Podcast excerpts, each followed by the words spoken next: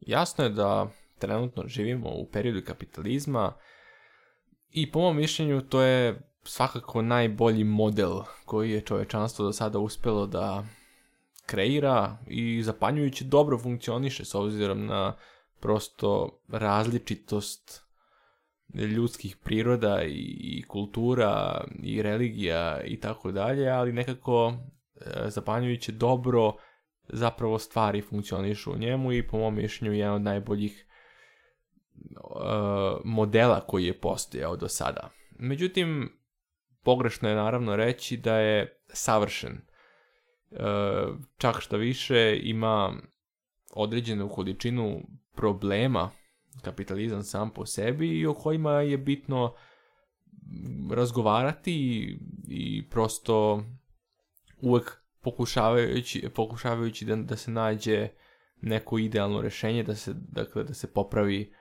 tamo gdje se može popraviti. Koji su to neki od osnovnih problema kapitalizma? Pa, kapitalizam je u suštini sačinjen od e, ogromnog spektra hijerarhija e, koje postoje u različitim tržištima i onda prosto ljudi, e, ideje tada, je ljudi pronalaze hijerarhije koje im odgovaraju i kojima se osjećaju dobro i da prosto probaju da u okviru njih e, rade i da se penju uz hijerarhiju i da sam taj rad i to penjanje kroz hijerarhiju prosto čini neki smisao života tih ljudi, na taj način bi se prehranjivali, pomagali bi sebi i porodici i prosto utjecali bi poželjno na okolinu. Ali, e, problem kod hjerarhije je taj što prvo, hjerarhija e, sama po sebi stvara nejednakost u materijalnom smislu između ljudi, dakle, jer prosto na samom vrhu ima relativno malo e, prostora, dok je na, vrlo lako biti na dnu. I to je jedan od onako, ja mislim, najvećih problema hierarhije. dakle svaka, uh, i kapitalizma, dakle eh, svako može da zamisli kako hijerarhija izgleda, dakle na dnu je 100 ljudi, pa svako od njih ima pet, eh, svaki, na primjer, grupa od pet ljudi ima svog menadžera koji je iznad njih, pa onda određena lokacija ima svog još nadređenijeg menadžera i sve tako dalje, dok do samog osnivača i borda, dakle bilo koje kompanije, i onda to je primjer da samo prosto da se vidi zašto kažem da je malo prostora na samom vrhu, a mnogo prostora na dnu. Dakle.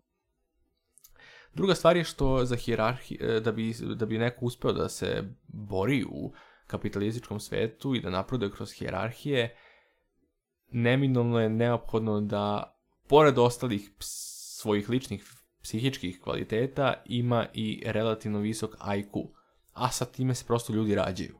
Dakle, e, ustanovljeno je da neko ko ima IQ ispod 85 ima problema sa čitanjem i praćenjem instrukcija. A jasno je da da bi se napredovalo u nekoj od um, hjerarhije kapitalizma, neka pravila ustanovljena moraju da se poštuju i da se e, po njima ide. Ne, za obilaženje pravila prosto smatra se krivičnim delima u, u većini slučajeva i naravno kažnjava se zakonom.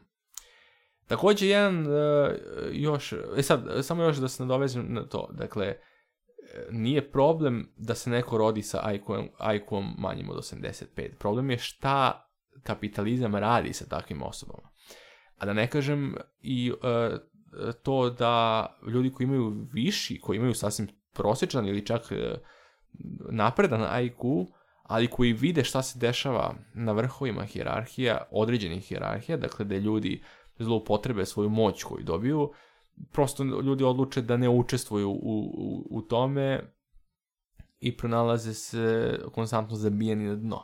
I to nas vodi na taj treći problem hjerarhije, dakle zloupotreba moći, koja je na neki način ugrađena u nas kao bića, prosto ljudi kada osjete, kada se nađu u poziciji da imaju moć, nekako je teško odupreti se da, da, da ih to ne korumpira.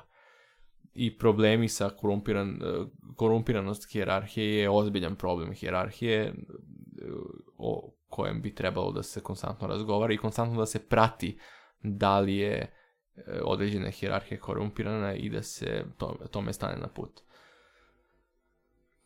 Tako da, eto, to su ta neka tri primjera. Dakle, hjerarhija pravi razliku između ljudi po pitanju materijalnih sredstava. Dakle, malo je prostora na vrhu, mnogo na dnu. Ona korumpira ljude koji su na vrhu neminovno i protiv toga mora da se bori. I nema ustanovljen sistem kako pomaže ljudima koji su zabijeni na dno. A, I to je veliki problem, dakle, sva, ta tri problema su veliki, veliki problemi hjerarhije, međutim u momentu kada ljudi uspeju da, da se maknu sa samog dna, onda postoji mogućnost da uživaju sve blagode tih hjerarhije koja je pružena na tom nekom srednjem ili višem nivou. Da li je, dakle, u, u, sumi, da li je idealan sistem? Ne. Da li ima probleme? Definitivno da. Da li je po mom mišljenju najbolji sistem koji je do sada uspostavljen u nekom društvu ikada u istoriji? Da, mislim da jeste. I prosto zajedno desnica i levica morali, morale bi u svakoj državi da rade na tome da se poboljša sistem koji trenutno imamo da ne bi otišlo, da ne bi prosto otišlo u neku situaciju iz koje se vrlo teško izlazi nakon toga. Hvala na slušanju, volio bih da čujem vaše komentare na ovo, po ovom pitanju i vidimo se u, nekom od, u nekoj sljedećih e, epizoda. Ćao, ćao!